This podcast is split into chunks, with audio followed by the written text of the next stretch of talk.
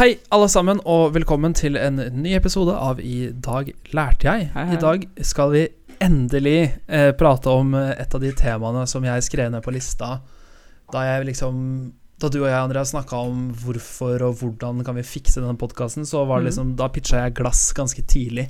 Ja. Eh, og nå Når du sier fikse, gjort så mener du hvordan vi kan lage podkasten, ikke hvordan vi kan fikse den som om det er noe galt med den. Nei, nei, det er klart, eh, denne podkasten er nærmest feilfri. Ja, Eh, åpenbart. ha, ha, har mamma og pappa fortalt meg.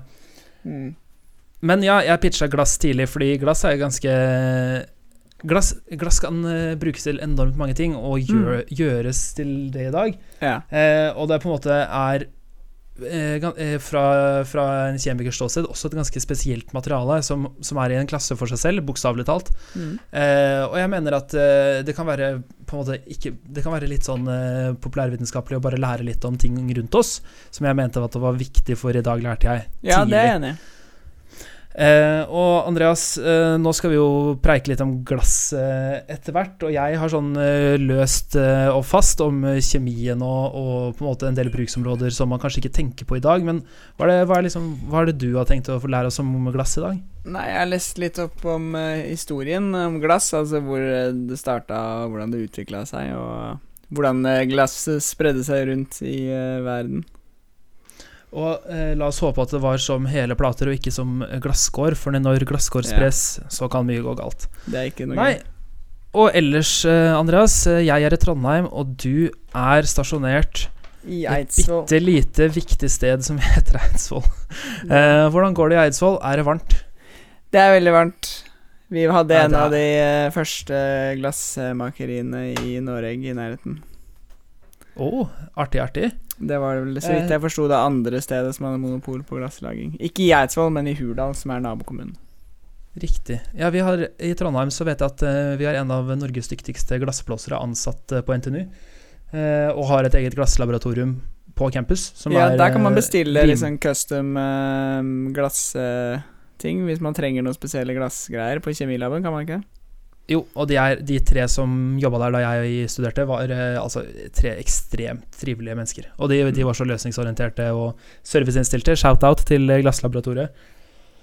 Eh, men, eh, men ja, eh, jeg har jo pitcha glass, men det kan jo hende at noen som sitter der ute, tenker det hadde vært skikkelig gøy hvis de to gutta prata om et tema de ikke har prata om ennå. Og Andreas, hvordan kan de gi oss liksom Hvordan kan de gi oss innspo? Nei, altså det er jo mange måter å komme i kontakt med oss. Altså Det enkleste er jo å um, sende en mail til oss på Facebook. eh, på Facebook-sida vår, eller eventuelt hvis dere kjenner oss privat, kan dere godt gjøre det òg. Men uh, ellers kan dere sende en e-post til eh, post at idlj.no. Eller uh, gå på nettsida vår idlj.no, hvor dere finner linker til Facebook-siden vår og Instagram og det ene og det andre. Og så, ja, så må folk huske å liksom abonnere og sånn. Så gjerne, hvis dere liker det dere hører på, så kan dere gjerne spre det til andre folk òg. Så gjerne oppfordre de til å komme med requests også. Vi er uh, ivrige etter å få inn uh, inspirasjon til ting å snakke om.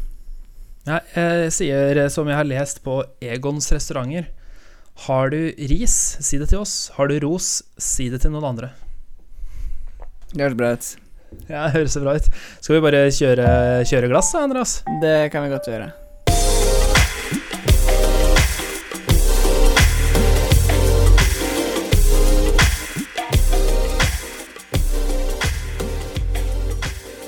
Herr Andreas Lykke, du har lest deg litt opp på historien om glass. Yes, sir.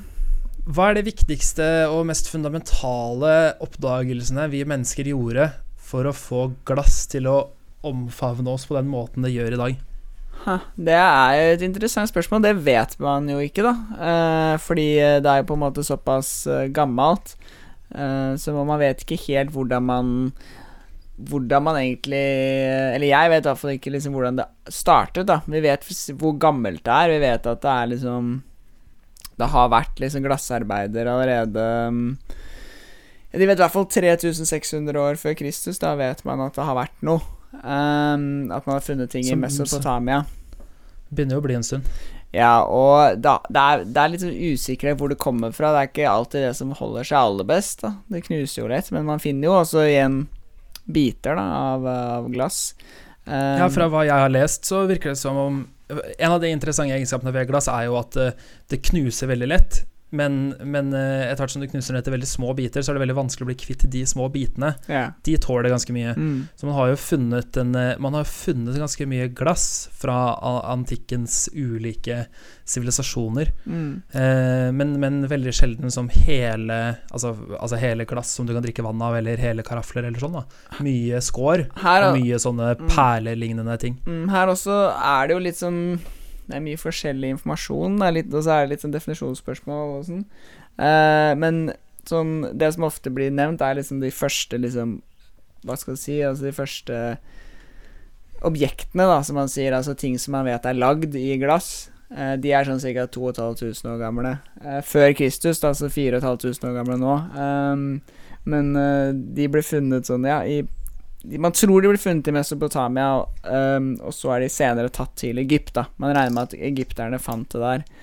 Ehm, og og da, det, ble, det ble ofte i starten var det glassperler, da, man, man fant. Så det Ja. kan ha vært som eh, Det var nok trolig som en eller annen form for um, utsmykkelser, da. Altså pynt Ja, nettopp som, eh, som eh, pynt og, pynt og jugel. Ja, ikke sant. Uh, ja, fordi jeg har lest at em, tidlige måte oppdagelsen av fenomenet glass var kanskje fra, fra forsøk på å smelte ulike typer metaller, som jern, Mm. eh, og at man eh, Ja, jeg kan ta det med en gang, da. Eh, Glass, er, glass er, eh, består av eh, kvarts, og Ja. kvarts er det vanligste van, Altså det er det det forekommer aller mest av i jordens skorpe. Mm. Så det er veldig mye kvarts tilgjengelig for folk flest eh, på alle verdens eh, baurekanter. Men, eh, men det at eh, det kanskje har havna litt sand inn da ved et eh, uhell i en del eh, metallarbeid som Mm. skjer ved veldig høy temperatur, har kanskje ført til tidlige oppdagelser av glass da, som fenomen. Det kan stemme. Altså, det jo, vi, snak, vi har snakket om plast tidligere, og plast også er litt sånn som ikke bare er én ting. Da. Altså Glass er jo på en måte en hel rekke ting. Da. Eh, Det er en slags kategori av uh, gjenstander. ja, det er mer en egenskap, eller- nesten, uh, Ja, det, som noe har. Men altså, det er sånn som eh, Det er litt sånn som porno og plast. Man veit hva det er når man ser det, selv om det er vanskelig å beskrive. Det er fint sagt, Andreas. Ja, nei, glass er faktisk Du sa noe der. Det er liksom en, en kategori for seg sjøl, og det er jo man, man bruker jo ordet glass for å beskrive ekstremt mange forskjellige ting. Eh, bare liksom skjermen på Skjermen som jeg ser på, inneholder glass. Skjermen på mobilen min er en helt annen type glass. Og så er det jo Jeg titter jo gjennom et par linser. De er strengt tatt ikke glass, men de består av veldig mange av de samme egenskapene. Jeg har Du har kanskje på linser i deg Du briller, har vel Ja, du har kanskje på deg briller? Ja, og det er jo på en måte Det er også litt sånn Vi kommer jo tilbake til det når vi går gjennom historien her, at Altså, det som ofte var liksom den Altså, hva skal du si Altså, det de prøvde på å oppnå, var jo på en måte å få skikkelig klart glass, da. Eh, Skikkelig gjennomsiktig. Gjennomsiktig glass har vært en utfordring, da. Eh, men eh, man har ehm, Ja, det, det var Ja, det, det kommer jeg tilbake til. Det starta på en måte Det første liksom moderne glasset er på en måte Er fra sånn 1500-tallet Nei, 1500 før Kristus, 3500 år. Eh, det, det er det første vi vet om nå, som er beholdere i glass, da, altså det vi vil Som noe skal minne om liksom sånn vi bruker glass, altså bruksgjenstand. Eh, som man drikker væske av. den kan man faktisk se eh, hvis du drar til det britiske museet i London. Eh, der er det en glassflaske fra Tutmos den tredjes dynasti i, eh, i Egypt, som er da ca. 3500 år gammel. Med, det vet man er fra den tida pga. hieroglyffer og sånn, som, som daterer den til da. For det er jo igjen Altså, det er jo ikke den, er, Man kan vel ikke karbondatere glass, ikke sant? Det er litt det også, så man er avhengig av å finne det i nærheten av ting man kan karbondatere. da Det er faktisk eh, superirriterende, fordi som eh, mange av dere som har hørt på dette her en stund, nå vet at eh, karbondatering bruker man jo for å ganske spesifikt fortelle om hvor gammel en oppdagelse er. Og karbondatering er veldig lurt fordi karbon finnes i det aller, aller meste rundt oss, spesielt i organisk Mm. materiale. Eh, og så er det en ganske nøyaktig metode da, sånn, Mm. eh, for, å, for å datere gjenstander, men, men glass består helst ikke av karbon i det hele tatt. det er vel litt karbon i, i form av eh, Altså, det er jo Den, den type glass som er den vanligste, er såkalt sand, soda, kalkglass. Og det er det vel eh, Der, der bruker man jo aske, som vil vel ha litt um, Litt karbon i seg. Ja, men men det som er litt eh, med liksom selve smelte, Mm. blandingsprosessen og smelteprosessen, så er litt av hensikten her å få karbonet ut. Ja, ikke sant? Eh, så det, når du får helt klart glass, så er det tilnærma uten karbon. da. Mm. Men det er i hvert fall øh, Man ser liksom Man ser at det starta i ja, nede ved Egypt, Mesopotamia-området. Og det er litt som det vi snakka om også, er jo Det er jo mange, noen som mener at de første objektene vi har funnet, egentlig var eldre, da. Men det var på en måte noen som har tatt det med seg dit fra et annet sted, som jeg nevnte. Og man vet, så man vet ikke helt hvor gammelt det er, men la oss si at det er ikke 100 000 år gammelt. Det er nærmere 3000-4000 år, kan du si. 4-5. Uh, uansett, um, det beveget seg derfra da, nedover um, uh, der hvor liksom kulturen utviklet seg, mot Kypros, Hellas, og rundt år uh, ja, sånn rundt 800-900 år før Kristus var det kommet seg til, til de italienske øyene. da. og der, der, begynte de å videreutvikle det. Og det spredde seg også til Østen med, med Alexander den store. da. Og man har funnet glassprodukter i, i hinduruiner som er så gamle som 200 år før Kristus. Jeg har også lest tall som liksom noen tusen år før Kristus med indisk glasskunst. Og her er, ikke sant, igjen, du får det samme spørsmålet. Kom, kom alt fra samme sted, eller var noe alle oppdaget uavhengig av hverandre? Jeg baserer meg primært på Encyclopedia Britannica, da, fordi at det, eh, altså den, det er et sånn Det britiske leksikonet, som er veldig, en ganske sånn kledibel kilde, da, så mye av informasjonen min kommer til å komme derfra. I hvert fall datoene mine. Men hvis du f.eks. slår opp på Wikipedia eller leser andre artikler, så ser du liksom de forskjellige datoene, men dette er på en måte det best verifiserbare jeg klarte å finne, som var ikke en tusen siders lang bok, da. Jeg synes det, er ganske, det er litt ryddig å si også det, at sant, vi forholder oss til denne kilden mm. og antar at det er rimelig god fisk. Vi, vi, vi må ja. ta ting med en klype salt. Det er jo fra et britisk perspektiv. Sånn er det. Så ja, britene Altså, det er jo de som vinner, som skriver historien, er det ikke det man sier? Ja. Bortsett fra fotball, da. Det er det jo ikke britene som vinner, i hvert fall. Selv om de skriver Kommer mye historie. Kommer noen interessante fun facts om uh, fotball fra min side litt seinere, faktisk. Ja. Noe, du, noe, du, ikke ville forventa fra meg. Ikke egentlig. Uh, nei, um, så uh, Det fortsetter jo å utvikle seg um, rundt frem til Romerriket og sånn, da. Og um, rundt år 100 så kommer det noe som er interessant. Det er en såkalt milli, millifiori-metode. Det er på en måte Millifiori. millifiori. Det er italiensk for det betyr 1000 blomster. Det var en måte de lagde vaser og sånn på, eh, som hadde sånn liksom blomsteraktig mønster. Det kan minne litt om Eller det er litt, egentlig en form for mosaikk, da, kan du si. Eh, og det, det, gikk ut på at man liksom formet en kjerne, en indre kjerne av, av f.eks. gjørme, da, et eller annet som er litt sånn eh, formbart og, og samtidig litt fast. Så, man, så, festet man via en form liksom glassstaver utapå denne, så de smeltet sammen. da. Uh, og da ble det til noe veldig fine Man kan søke på Milli Fiori uh, og se selv. Det er veldig sånn fine, blomstrede, mosaikkaktige vaser da, som er uh, over to, to, 2000 år gamle. Det er spennende. Også, Jeg mener å lese om denne teknikken at, at allerede da så begynte man å jobbe med glass i forskjellige farger for å få ikke bare mosaikkeffekten fra ulike glassstrukturer, men også ulike farger også. Ja, og det, jeg, det kan jeg egentlig ta med en gang. Altså, så, eller vi kan jo begynne med den, den siste liksom, teknologiske utviklingen da, som ble på en måte standarden. Det er jo den glassblåsing. Yeah. Uh, og det regner man at skjedde ja, rundt uh, det, det, er liksom fønikerne, da, så dette er også ganske tidlig. Dette er lenge siden. Dette er um, også sånn rundt såkalt ja, Rundt starten av den kristne tidsalderen. da Uh, og, og det altså teknikken var essensielt sett ganske lik som, sånn som den er i dag. Da. Det, man hadde en jernstang ca. 1,5 meter, og så fester man i enden Så fester man da en, en klump med, med um, glass. Uh, og så blåser man inn der og former med, på en stein eller en jernplate da, med f.eks. For forskjellige verktøy. Da. Mm. Uh, eller en, form, en innvendig form kan også benyttes. da Ja, det er jo, i dag så er jo den teknikken er jo fortsatt i bruk for å lage en del, en del spesielt utstyr. Eh, man bruker det for å lage faktisk ja. til å lage vanlig vindusglass, eh, men de, de, er, er, i hvert fall sammenligna med moderne eh, manufacturing. Eh, Produksjon. Står helt stille. Eh, så er det veldig kostbart, for det er jo da altså folk som står og jobber og blåser, ja. Eh, mer enn roboter som tar det på automatikken. I min tidligere tid som i TV-bransjen så var jeg filmet en uh, liten dokumentar uh, når jeg gikk på filmskolen, til, uh, på et glassblåseri i Norge, og da sto de og holdt på sånn. Da, da lagde de vaser og sånn.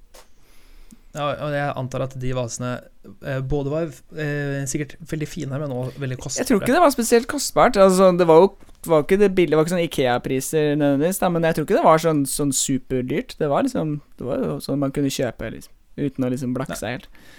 Det er stilig. Mm, men eh, nei, så allerede Dette er, det er jo en gammel teknikk da som man har hatt veldig, veldig lenge. Dette har jo også vært um, Det er jo veldig tett og knyttet opp mot liksom romersk kultur med liksom um, Med at de drakk eh, vin og alt sånt, er jo veldig sånn Da er det jo Jo, jo finere liksom utstyr du har til å drikke vinen din jo mer fancy er det jo. Den dag i dag er det jo fortsatt en stor kultur for å ha liksom fine glass. da Og det har det jo alltid vært. Folk har vært veldig tiltrukket av liksom det. Um, og trolig så brukte de um, De hadde jo denne metoden jeg snakket om i stad, denne um, Millifiori. Nei, ikke Millifiori, men sand-soda-kalk Metoden da. Som er igjen ja. ganske essensielt til det man bruker den dag i dag. Og de brukte trolig sand. Um, og så hadde de um, Shelly, da. Um, for, skal, for, å få kalken. Og så brukte de aske fra trær som soda, da.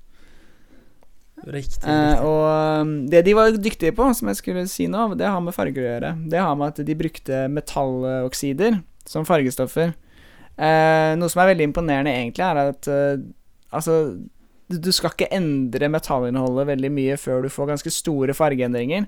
Og ut fra hva vi har funnet fra Romerriket, sånn, så tyder det på at de reproduserte ganske nøyaktig. Da, ting, liksom, de hadde veldig kontroll på fargene. Uh, som tyder på at de hadde en veldig Om ikke nødvendigvis De var ikke akkurat kjemikere, men de hadde tydeligvis veldig, et veldig godt system da, for å liksom sørge for at du, du fikk riktig volum med farger, eh, med metall, i forhold til uh, hvor mye glass man skulle lage. da Um, så de brukte Vet du, vet du hvilke farge, hva de brukte til å lage de forskjellige fargene? Nei, usikker. Uh, for, vi kan se om du kan prøve, prøve å gjette. Uh, for, hva okay. tror du de brukte for grønn og rød? Samme. Uh, oh ja, Dette er metaller, da.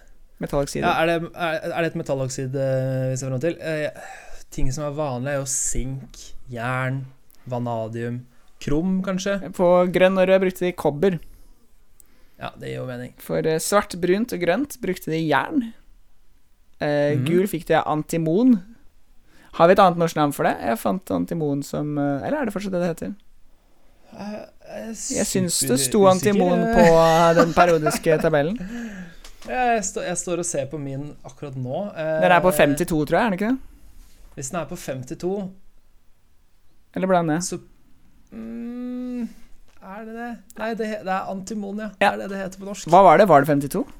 51. Åh, det var veldig nærme. Nei, jeg setter meg i skammekroken. Men ja. uh, nei, lilla ametyst lager man av manganoksider. Ja, og det er jo, bruker man mye i dag òg, faktisk. Mm. mangan. Og for å lage et ugjensiktig hvitt glass, som var veldig viktig De lagde en del sånne relieffer og sånn, for da brukte de det som bakgrunn for å liksom legge litt mørkere ting oppå, så man kunne lage liksom Eh, ja, utskjæringer og sånn. Eh, da brukte de et tinn, da. Da fikk de et ugjennomsiktig hvitt glass. Eh, ja. Og de prøvde å lage glassplater, altså liksom som et vindu, for eksempel, da. Men de klarte ikke å få ordentlig gjennomsiktig glass av noe spesiell størrelse. De, for man må jo slipe det og sånn på den måten de gjorde det på, som førte til at uh, de lagde heller mange små uh, glassluter. Litt sånn som du ser i liksom veldig gamle kirker og sånn. Så ser man ja. litt den der um, Mosaikkgreia. Det er ikke helt mosaikk, egentlig. Det er mer liksom ja, små glassplater, da. Uh, ja. Såkalt ja, altså det, det, Hva er det det heter? Makromosaikk, eh, vil jeg nesten kalle det. Men ja, jeg skjønner hva du mener. Ah, det er for, det sånn delvis gjennomsiktig. De kaller det stained glass windows på engelsk, iallfall. Ja, og det eh, Jeg som en, en, dreven kirkehenger burde jo huske hva dette heter på norsk, men det er fullstendig jernteppe. Nei, eh, vi, må, vi, må, gå videre, Andreas. Eh, fra mindre glassplater i, eh, rundt år null i, mm. i historien. Hva, hva, liksom de, hva, er de neste store fremskrittene? Ja, Det som er interessant, er at liksom de sier at etter år 200 så blir glasskunsten bare dårligere de neste tusen årene. Altså litt, ja, det var det jeg òg leste. Nå går vi inn i liksom den såkalt de mørke middelalderen, hvor på en måte det var liksom nesten en Altså på grunn av hvordan kirkestrukturen var, da, så var på en måte mye av Altså det å lære nytt var veldig sånn Altså det var det, all, altså, allmennkunnskap ble liksom ikke allmennkunnskap mer, så, så det, du så en stort fall i i liksom Ja, i egentlig kvaliteten på det meste, egentlig, bortsett fra kanskje bibler. Eh, så ble ting liksom dårligere. Um, og Det var mange grunner til det, sagt, men i hvert fall glasskunsten også ble dårligere. Det var dårligere det er, Hvis du ser på det den dag i dag, så kan du se at ting som er funnet av. Det Fargene er liksom ikke like bra. Overflaten er liksom boblete og ujevne, og det er, det er dårlig produksjon, i hvert fall. Hvis du sammenligner det med Ja, til og med ting som er lagd liksom ja, 500 000 år før, da. Litt sånn som jeg kanskje føler at skjer litt i dag, hvor en del ting blir lagd for å bli ødelagt, hvis du henger med meg på det. Mm, men det er jo ikke fordi at vi ikke eh, klarer å lage det bra eh, Vi kunne jo fortsatt lage Nei, det bra. Nei, absolutt ikke. Men ja, eh, vi, er- vi, vi kommer rett og slett inn i en, en mørk periode i glassets historie. Mm. Det er, skjer lite på, på ja, den eksperimentelle fronten. Glasset stagnerer nærmest i, i kvalitet, gjennomsiktighet, en del andre egenskaper som man anser som attraktive i glass. Da. Når var det dette snudde igjen? Um, nei, altså hvis du ser på liksom ehm, sånne disse vinduene som uh, Altså disse glassvinduene som vi akkurat snakket om, da. Um, I kirker, så kan man på en måte Det er en av måtene man faktisk kan se um, Man kan faktisk se hvordan glasskvaliteten var, da. For man kan jo se hvor gammel kirka var, og hvordan hvordan, hvordan det er. Og det blir først bra igjen på sånn 1300-1400-tallet. Da begynner det å bli ehm, Da begynner kirkene å se bra ut igjen, da. Um, skal vi se Det norske ordet er glassmaleri. Ja, det var så, rett og slett så sånne glassmalerier begynner å bli bra igjen. Um, rundt eh, 13 eh, Nei, 1200-1300-tallet. Uh, og Men da gjorde de det på en litt annen måte, da. Um, for det er sånn som i i, i Romerriket som sagt, så blanda de inn oksider, men her var det mer sånn at de, de brukte på en måte sånne malinger, malingting da, for å male på glasset, heller enn å liksom lage glasset av forskjellige um, farger. da. Nettopp så du produserer masse klart glass, og så maler du det i etterkant isteden. Ja, eller i hvert fall Ja, eller kanskje sånn Blir det litt sånn melkete glass, tipper jeg, for det er fortsatt ikke helt kontroll på det klare glasset. Stemmer. Uh, nei, så det tar eh, helt av eh, Ikke så veldig lenge etterpå, ehm, rundt denne tida her, ehm, i Venezia ehm, Man tror det er fordi at venesierne kom i kontakt med det såkalte østromerske imperiet, eller Bysantium, da.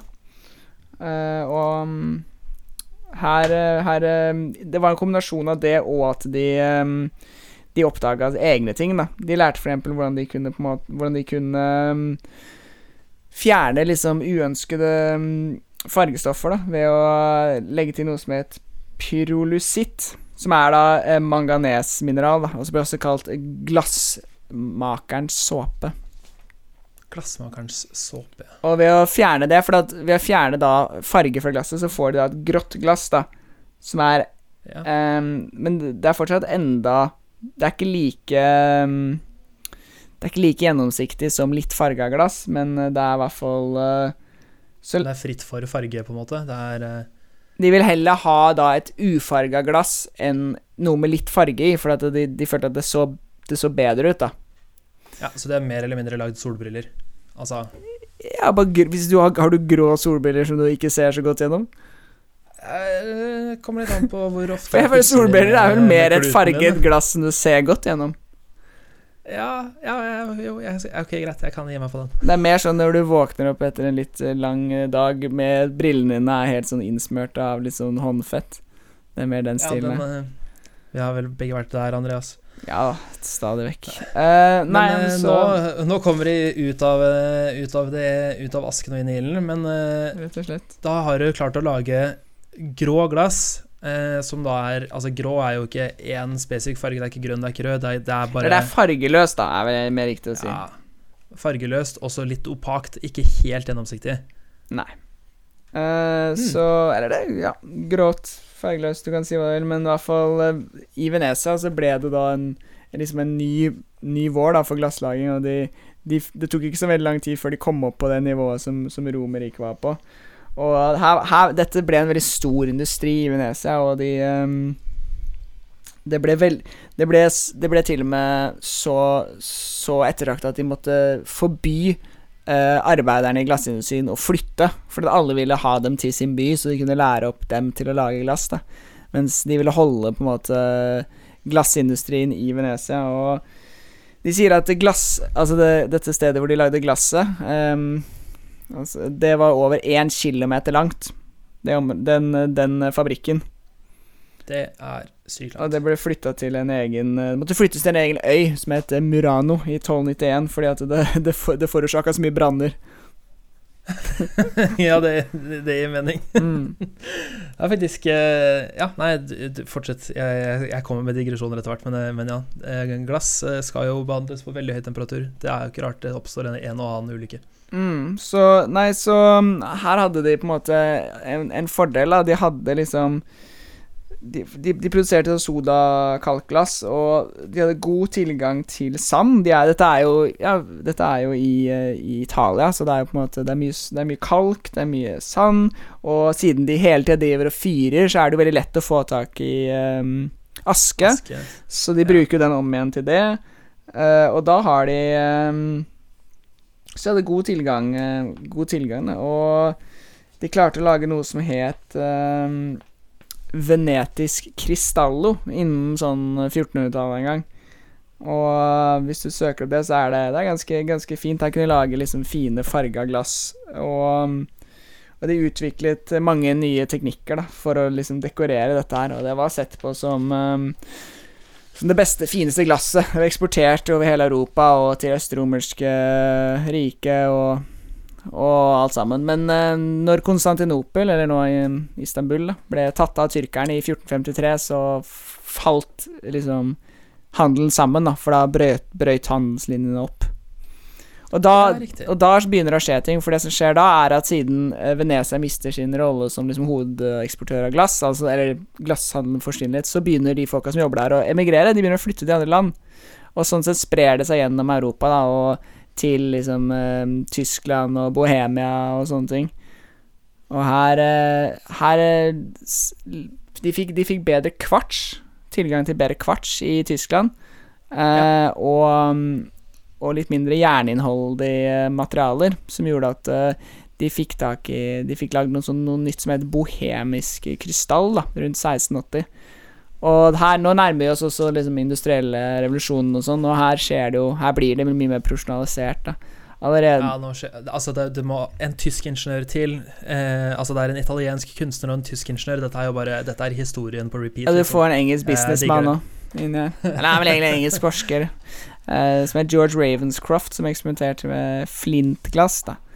Og her eh, Ja. brukte han eh, Her prøvde han å liksom finne en, eh, en liksom en ny oppskrift, da, for å liksom lage det beste mulige glasset, og da han fant ut at um, Han fant ut at det som, det som funka bra til han, var um, 15 eh, blyoksid, um, kvarts fra uh, Italia og eh, Hva er det norske ordet for potasj, vet du? Ja, kalium. Kalium, er det det vi kaller Det er rett og slett det der? Ja, det er, en, ja, det er et, det er et kaliumsalt, ja. Det er det. Det er et Mm. kaliumsalt som de kaller potasj i uh... Man kaller det faktisk eh, potasj på norsk òg. Ah, ja, ok. Nei, fra gammelt av. sorry, der var det pottaske. Ja, Pottaske. Så de bruker eh, jernoksid, eh, mm, blyoksid, eh, kvarts eh, og en ren pottaske. Og her får de et fint eh, Begynner å få et veldig fint eh, glass da som man kan kutte og inngravere veldig lett, og det er eh, det, det har bra Det bra refraksjonsverdi, og det generelt begynner å bli veldig, veldig fint eh, krystallglass, da. Det begynner å ligne på noe som man kan minne om eh, moderne krystall. Det høres jo veldig sånn ut. Altså, eh, det er, du nevnte et ord der, refraksjon. Det er vel evnen til å eh, Ok, jeg har en bikkje på utsida. En Jeg evne er en til å på innsida, så. Wow. En evne til å bryte, bryte lys, eller slippe lys rett gjennom. Eh, og det er jo det som vi har med, med glass som vi f.eks. bruker i briller i dag, er jo nettopp eh, evnen til å bryte lyset på den, på den måten vi selv ønsker. Ja. En egenskap som vi kan forme. Det er jo, da begynner det å bli brukbart glass for oss, da. Mm. Ja, for her begynner vi å komme Nå nærmer vi oss liksom 1700-tallet, og da på det tidspunktet så er det elleve forskjellige em, fabrikker i London som produserer um, såkalt som blyholdig krystall. Da. Ja. Og, Bare i London, det er ganske mye. mm, og sikkert området rundt også. Jeg antar at de må drive en del eksport, men det er jo altså Dette her er jo eh, En ting som er med glass, er jo eh, at eh, finere, finere glass som er preget av mye kunst, er jo gjerne også preget med, med, med liksom overklasse og, og rik, rik folk. Ja. Men, eh, men vi må jo ikke glemme å gjenta at, at hovedinnholdet i glass er sand, eller kvarts, da. Eh, bergart eller sand, og det er på en måte noe som er veldig tilgjengelig for mange. Så det her er jo eh, på en måte også noe som blir produsert for å være billig, billig, billig. Ja. Så det blir jo på en måte også, i tillegg til å være overglassens krystallglass, så blir det også folkets altså vinduer Mm. og, og andre nødvendigheter. Så det er jo åpenbart en, eh, en industri som folket har behov for. Da. Mm. Nei, så vi kommer, eh, vi kommer oss snart til eh, Ja, til Tyskland så skjer det jo også ting. Der eh, Der lager han en som heter Johan Kunkel, lager et veldig et sånn rubinrødt glass med gullklorid i seg. Hvor de, hvor de løser opp gull i aquaregia. Ja, det, det har vi snakka om tidligere. ikke? Det, det er det eneste syra vi veit om som løser gull opp. Mm. Og blandes inn med, med glasset, som eh, smeltes og formes eh, Og så varmes opp igjen, som gjør at du får en veldig sånn slående rød farge, da. Og han, Ja, han, gjorde gjorde litt andre ting også. Han lagde også porselenglass, eller melk, milkglass. Melkete glass, da. Og da la de til noe vi har snakka om tidligere. Dette, der legger han til bein, da. Og, eller horn. Ja. Så da begynner vi å nærme oss denne tidlige Dette er også, det, her, her kommer vi til en overlapp med den tidlige plasten. Ja, for det er sånn eh, Hva var det kalte det? Skjellakk? Det- Nei, horn, hornplast, tror jeg det faktisk kalles en dag i dag. Ja. Uh, men det, ja det er det er liksom i det er mellomfasen mellom glass og plast. Ja, Riktig. Og det, For oss som ikke er i spesialister, det her er ikke saksøkt meg. Men for oss andre Nei, kan vi si det er men- det. Jeg syns det er interessant, da, fordi glass er jo eh, på en måte nærliggende mitt fagfelt på mange måter. Jeg har jo egentlig studert det litt uh, i forbindelse med, med solceller, Mm. hvor det er viktig at, eh, at uh, måten man eh, behandler solet, solens stråler på, er jo på en måte hensikten. Så glass er, glass er spennende, og, og måten Altså det, plast, plastglass, glass Det er mye, det er mye gråsoner der, faktisk. Mm. Nei, så det mm, Nei, så det fortsetter jo Altså nå, i liksom 1700- og 1800-tallet er jo prega i stor grad av at kjemien begynner jo å eksistere. Boy!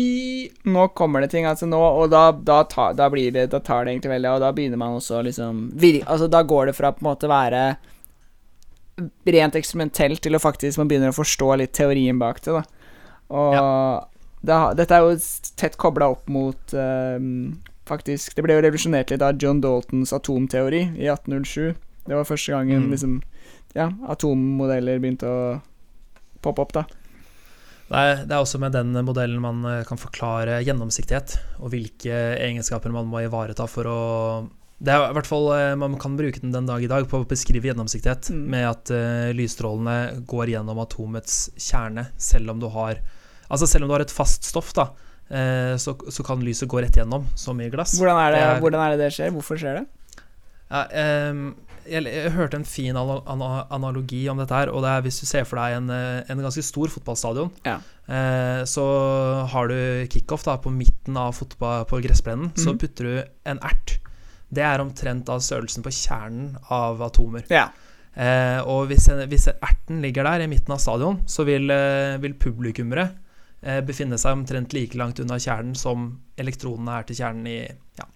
Så hvis du har en ert der, og så har du sandkorn, bitte små sandkorn strødd Ja. rundt i liksom publikumsområdet, da, da kan du forstå da hvor mye tomrom det er i en vanlig atomkjerne. Ja. Eh, og så er det jo da måten de Måten, eh, måten fotoner, altså lys, treffer elektronene på, Ja. avgjør om eh, om det blir gjennomsiktig eller ikke. Ja. Hvis lyset treffer fotonet og, eh, Unnskyld, hvis fotonet, som Treffer er lys, elektroner. treffer elektronene, og elektronene hopper opp til sin neste tilstand ut et skall, for dere som kjenner Det vil da til si at fotonet gir energi til elektroner? og, og, og eksiterer det. Hvis det skjer, så er det sannsynlig at, eh, at eh, lyset ikke går gjennom. Lyset blir absorbert, som det heter, eh, for å ta opp energi og skilles eh, og reflekteres som en farge. Ja. Eh, men det som skjer i glass, da, fordi glass består i, i det store og det hele av silisium og oksygen, og silisiumelektronene eh, og på en måte kan ta opp eh, synlig lys, altså energi fra synlig lys, men, eh, men energien er ikke høy nok til at elektronene hopper opp til neste nivå. Mm. Eh, så de, så de, de tar opp energi, vibrerer hardere, men, eh, men noe Det skjer ikke noe fundamentalt med, med elektronstrukturen. Da. Ja. Og da, da vil fotonene i det store og det hele få evnen til å bare eh, gå rett gjennom eh, materien. Ja. Så kort, kort fortalt, da. Ikke dårlig. Nei, eh, nei, ikke sant, der har du det. Så det er det som skjer på 1800-tallet, er dette at man får atomteori. Man får også Altså Hans Jens Jakob Berzelius i 1808 utvikler jo liksom kjemisk analyse som konsept, som liksom fagfelt, da. Og det gjør jo at man får eh, ja, formler eh, Man kan begynne å regne på ting, liksom, og det, det gjør at man kan gjøre mer storskala industriell produksjon av liksom både råmaterialene og da glasset. Da. Eh, Ja, for det er, jo, mm. det er jo sånn fagfeltet fungerer den dag i dag, er jo at man, man eksperimenterer på liten skala, og når man forstår teorien om hvorfor det du gjorde i liten skala fungerer, så kan du skalere opp, ikke sant. Ja.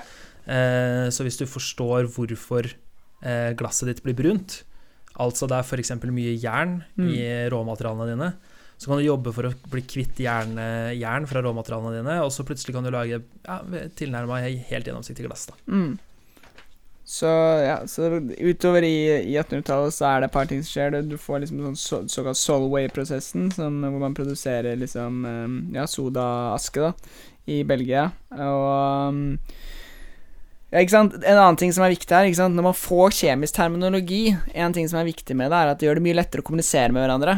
Altså Man begynner å få liksom et, et språk, da sånn at en, en fyr i Belgia kan snakke med en fyr fra et annet land som ikke nødvendigvis er på hans lab, og han skjønner liksom hvilke stoffer han snakker om, og de skjønner hvilke volum de er i og sånn, ikke sant. Det er ikke bare sånn Du vet, jeg tok den der store bøtta med den der brune greia og blanda med den hvite greia i den lille koppen. Det er på en måte en, en, en samlet uh, Et språk da som gjør at det blir mye At altså, utviklingen kan skje mye fortere, for man kan kommunisere med hverandre.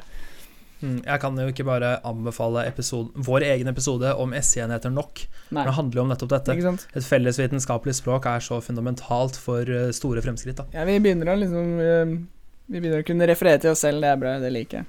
Deilig, deilig. Um, nei, så Og i 1830 um, Nå hopper bitte litt tilbake i tid her, så er også da den ehm, Det som på en måte ble den um, Hva skal vi si Den beste Den mest eh, holdbare eh, soda li- eh, Sodakalk-silika-glasset. Altså den komposisjonen av de tre, som er da når du har en, en, en komposisjon med én del soda, én del kalk og seks deler silika, da.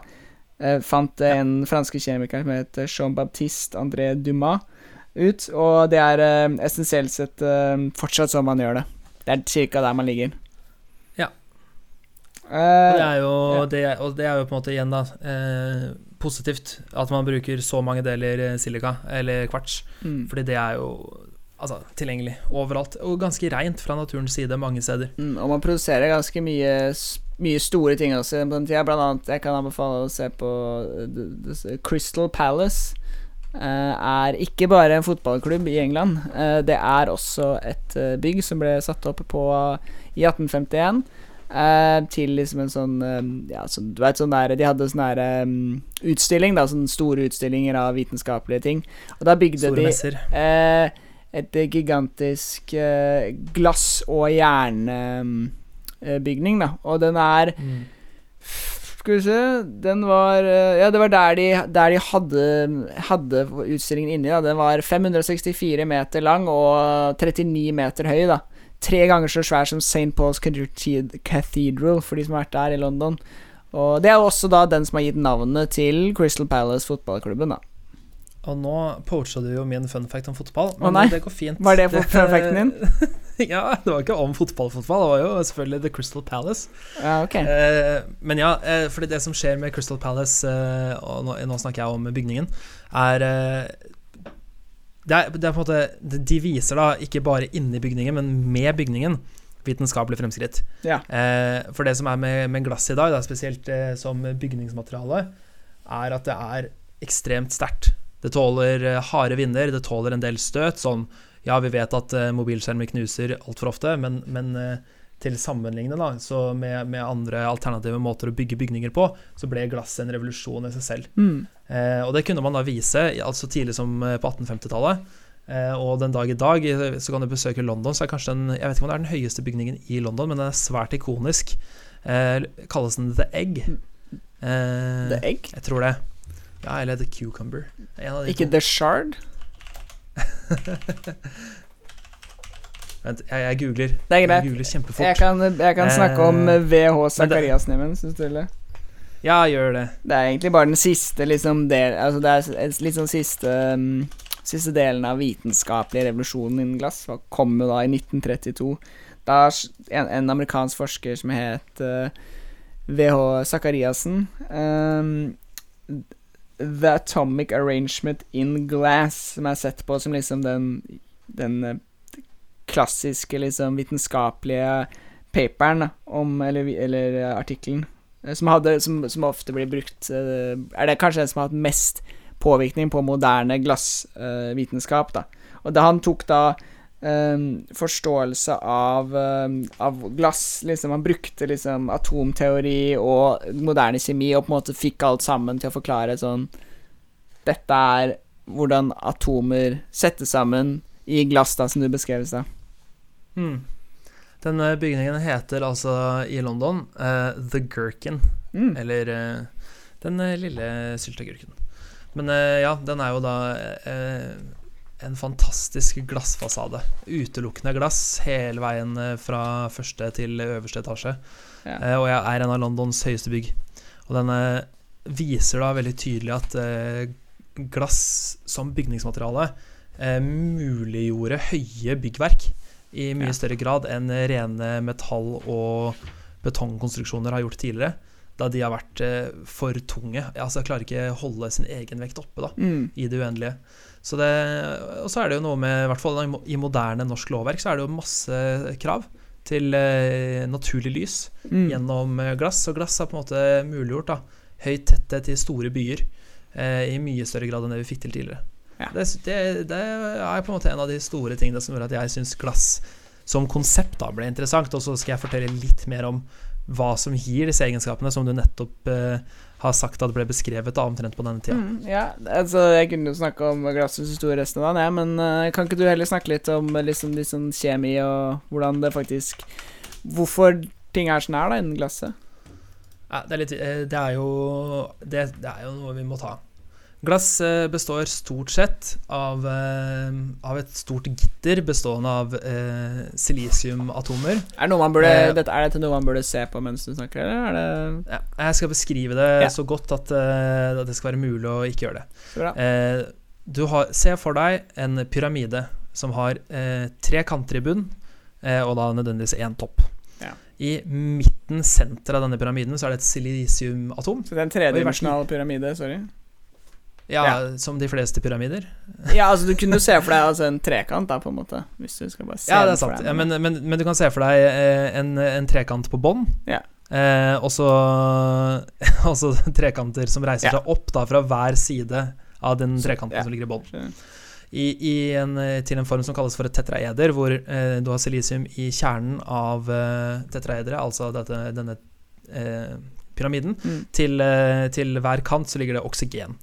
Eh, og dette eh, i seg sjøl er en av naturens sterkeste strukturer, tetraedre. Så hvert av Eh. hjørnene i pyramiden er et oksygenatom, og inni der er det et silisiumatom. Helt korrektus. Ja. Eh, og, men i motsetning til pyramidene i Egypt, så er det bare da tre hjørner som står på bakken, Mm. ikke fire. Mm. Eh, men ja, det er da en det er tetraeder. Tetra. Fire. Fire sider. Fire som. Jeg blir litt sånn gira på tetraedra, for det er min favorittstruktur av alle strukturer. Eh, men den kan pakkes utrolig tett fra naturens side, Mm. og gir opphavet til en drøss med naturlig forekommende krystallstrukturer. Eh, annet den du finner i kvarts, da. Eh, som er naturens glass, men også på en måte stein. Eh, Ja. Så det er ikke, det er ikke superfett å, å drikke av ren kvarts, eh, sammenligna med, med det som vi i dag har som glass. da Mm. Eh, men det som eh, var litt artig, var da jeg begynte å lese om, om fremstillingen av glass og hva er det som er liksom den kjemiske egenskapen og sånn, så, så minner det jo eh, litt om vann. Og vi har jo snakka om vann tidligere. Vann eh, har masse sterke bindinger mellom vannmolekylene. eh, som påvirkes av temperatur. Når, når, vann fry, når vann fryser, så går det inn i en krystallinsk, ren krystallin struktur som vi kjenner som is. Det er jo gjennomsiktig som glass. For så vidt. Eh, du, kan lage, du kan lage is som er helt gjennomsiktig, akkurat som glass. Eh, der òg eh, så er hemmeligheten at du har en veldig kjent eh, eh, krystallstruktur på atomært nivå, og atomer som er egna for å være gjennomsiktige. Eh, Kan jeg bare lære jo bort en ting nå, til siden vi heter i dag lærte? Hvis dere Ja. som hører på, har lyst til å la lage isbiter som er eh, glassklare, altså gjennomsiktige, så bruker dere i en isbitform så bruker dere kokende vann. Hvis dere gjør det, så vil eh, det bli gjennomsiktig som glass. Ikke like klart som glass, men det vil bli veldig, veldig klart. Det er stilig. Mm.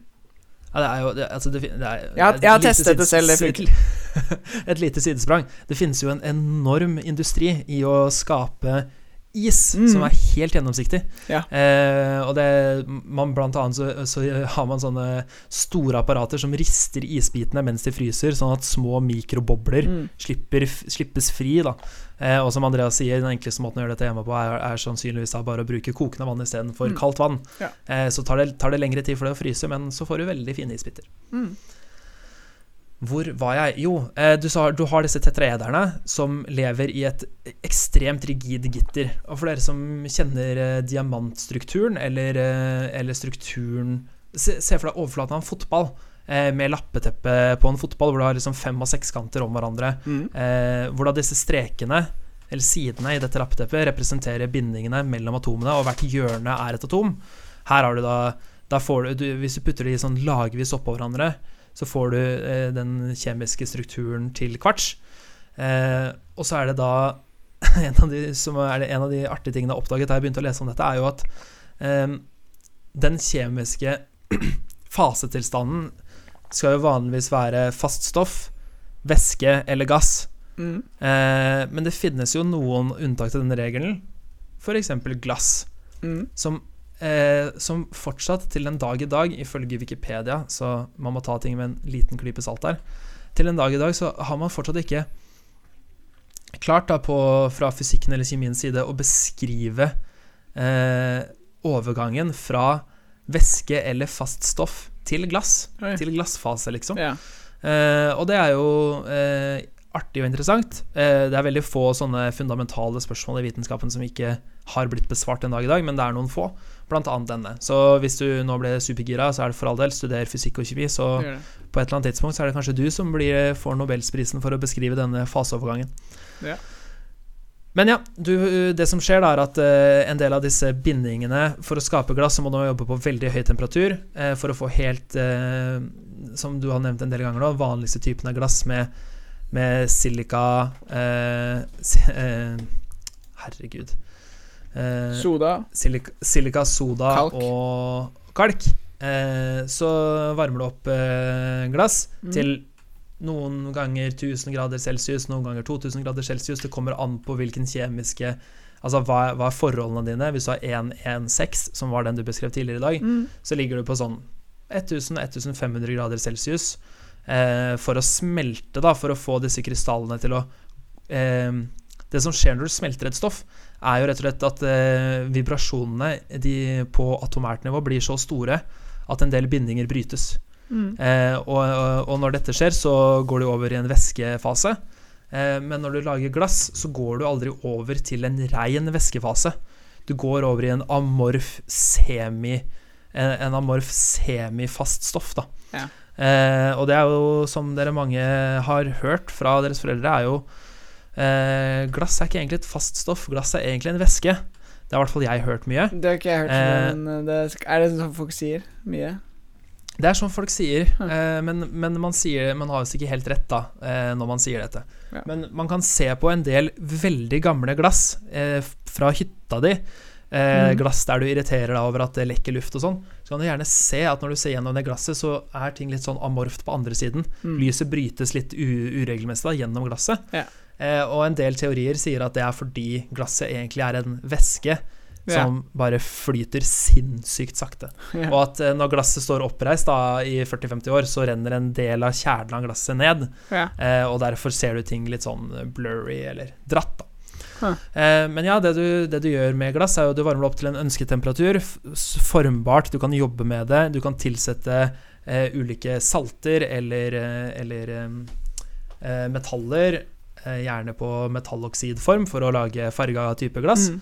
Men, eh, men la oss bare forholde oss til den, eh, til den vanligste varianten, hvor du Ja. har, hvor du har eh, litt eh, natrium eh, fra eh, Litt natrium og litt kalium. Unnskyld, litt natrium og litt kalsium. Det er liksom de to hoved, eh, hovedgrunnstoffene som ikke er silisium og oksygen Mm. i vanlige glass i dag.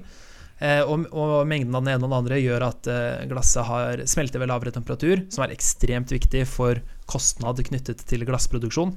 Eh, og så er det egenskaper som god gjennomsiktighet og styrke. Altså at det tåler å bli kakka litt på da, uten at det sprekker hver gang. Mm. Så det, går du, gjennom en, eh, du går gjennom tre hovedfaser. Den ene er eh, blandingen av de første råstoffene på, på liksom pulverform, Ja. hvor du vil blande de godt før du varmer det opp. Så varmer du opp til smelta form, eh, og så herder du det.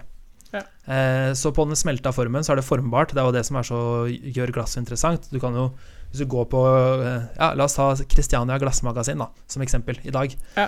Eh, så er jo de, selger jo de glass i kanskje 1000 forskjellige typer vin- og vannglass. da Mm.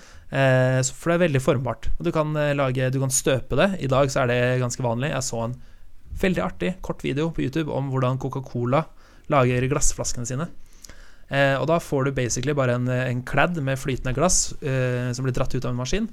Eh, og så blir den, eh, eh, blir den holdt fast av en form som har formen som toppen av flaska, altså der hvor du skal feste korken etterpå. Mm.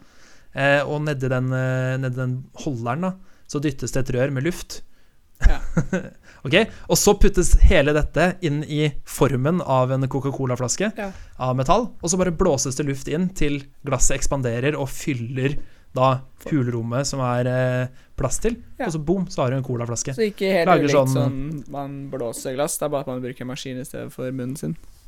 Correcto mundo. Eh, og da, eh, en ting som veldig mange glassblåsere kan gjøre, er jo å gi eh, på en måte forme glasset ved ulike temperaturer, for da har det ulik formbarhet, og liksom touche litt her og touche litt der. Mm. Mens her har du da en slags støping hvor du, hvor du gjør alt på samme temperatur, og så blåser du det opp kjempefort, eh, og så kjøler du det ned kjempefort. Da får du herda glass, som tåler Ja. ganske mye.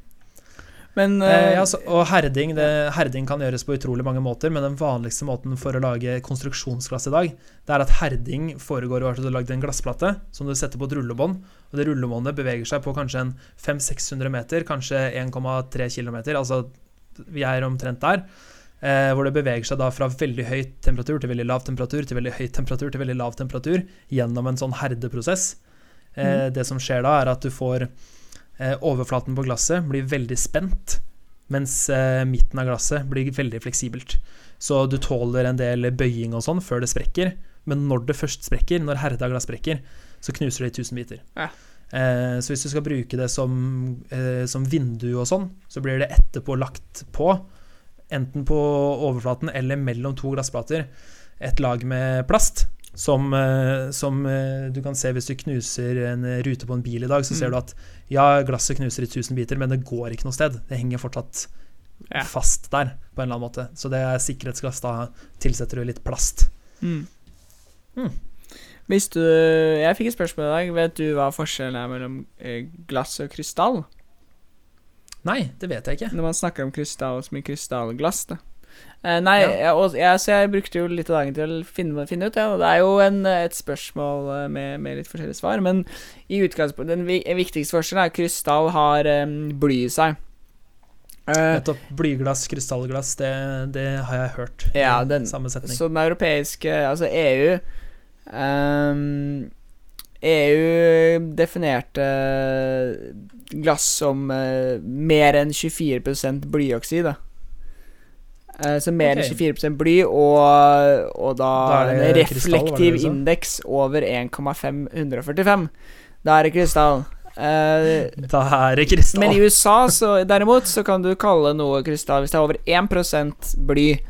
Uh, så ja, det, wow, det, det kan jo nesten bare være uflaks. ja, så i dag så brukes det veldig ofte også bare om høykvalitetsglass. Uh, glass, da. Som, og så er det også det der med ref refraksjon. Når du, når du sender lys gjennom krystall, så går det liksom Det, det sprer lyset da i mange farger.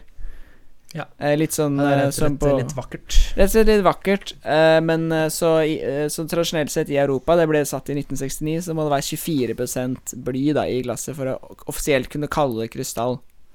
Ja. Så det er egentlig Ja. svaret på det. Det er bly i det. Det er derfor det er Mm. tyngre også, ikke sant. Nettopp. Bly er jo Bly er tungt. Blytungt. Mm. Eh, og så er det jo en, en siste viktig egenskap jeg vil trekke frem i Ja. denne episoden om glass, fordi mm. vi kan gjerne snakke om dette en annen gang òg, men Ja. jeg har veldig lyst til å nevne dette. Glass er jo et av de mest resirkulerbare stoffene som vi kjenner til. Ja. Eh, når, man, eh, i, når man produserer glass, eh, så lager man jo ulike flater vanligvis, og så kutter man det til eh, for å lage vinduer i en størrelse som noen har bestilt. Og så ender man opp med å ha masse avkapp og sånn, og eh, 100% av det avkappet kan brukes om igjen.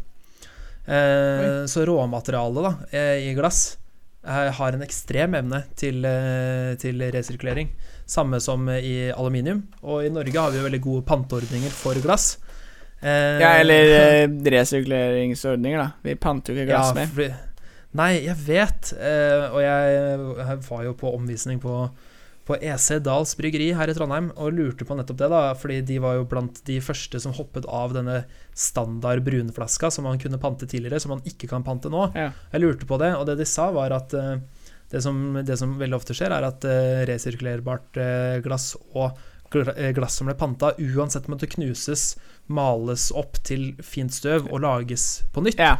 Eh, og, at, eh, og at eh, den panteordningen ikke var verdt det. da Det skal jo også sies, annen, jeg, jeg har jobbet på, på Matbutikk eh, på Bunnpris, og der eh, en, for, for de som jobber i panten, i hvert fall, eh, så er det jo Altså Du kan Altså, en, en sånn eh, glassflaske eh, og også de, de tar jo så mye plass. Det er også, det er også Du må jo fylle en, en, en sånn der eh, Du må jo fylle en uh, kasse Så med er 24, 24 flasker, kasse. mens nedi en sånn um, Nedi en sånn svær plast uh, uh, plastpose, ja, eh, så kan du jo knuse opp jeg vet ikke, mange hundre aluminiumsbokser og tynne plastflasker. Eh, Så det, Ja. det kan nok ha noe med det å gjøre også, at for de som tar imot panten, så var det en utrolig eh, ulempe når det kom masse glass. Da det krevde store volum eh, logistisk. Så det kan hende at uh, Jeg skal ikke si, si, det for sikkert, men det kan godt hende at de også hadde noe de skulle ha sagt. da Ja, men Kanskje vi skulle gjort en annen Og det er jo mye vanskelig vanskeligere å frakte også, selvsagt. litt i sømmene. Det vil Vi burde jo, vi burde jo tatt en breakdown av panteordningen i en annen, annen episode, for det er jo mange aspekter her. Mm, Definitivt. Så det krever jo også da mye mer transport da, hvis man skal transportere store mengder glass, enn da bare knuste plastflasker. Eh, jeg må bare skyte inn en ting, for jeg sa jo at glass var så viktig, og jeg syns det var så interessant fordi det hadde liksom en, en, eh, en viktig rolle da i revolusjonen som var skyskrapere. Eh, og det er jo at det også er ekstremt bra varmeisolerende. Mm. Eh, glass eh, tåler eh, å ha veldig høy temperatur på én side og veldig eh, lav temperatur på den andre siden av glasset, Mm. uten at glassets egenskaper ødelegges av den grunn. Ja. Eh, og så er det jo vinduet som jeg sitter og ser på ut av kontoret mitt her nå. Det er jo to lag med glass, og imellom de to glasslagene så er det et vakuum. Altså eh, ikke bare luft, men, men, men ikke luft. Det er tomt for atomer der, nærmest. Eh, og vakuum og glass sammen skaper en veldig god isolator, ja. eh, som er, som er eh, artig og viktig når du skal bygge gode bygninger. I mitt eh, Eh. gamle hus fra 1910 som jeg sitter i, så har vi også to glass, men det er ganske mange atomer mellom de to glassene, for å si det sånn. så her er det Ja, jævlig varmt.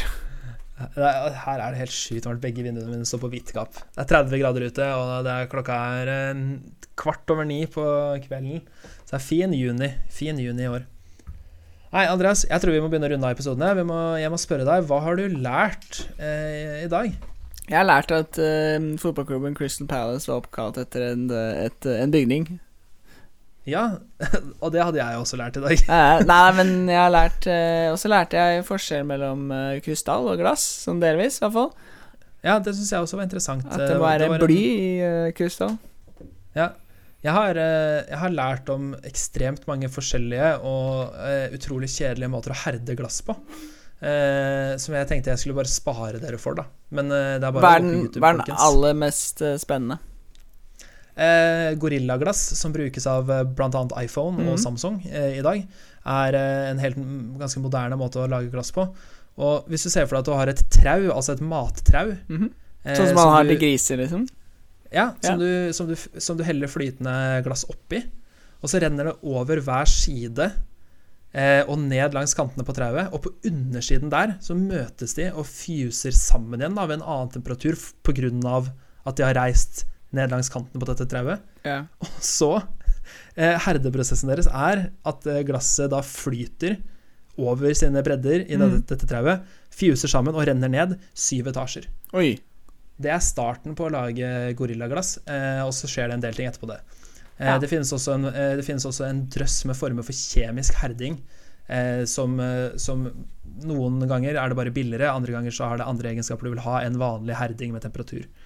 Mm. Eh, men ja, eh, herda glass er viktig, eh, og det er, det, er en, det er en hel verden der ute som jeg, som jeg, jeg dyppa storetåa nedi der i dag, og det blir sikkert et dypdykk en annen gang.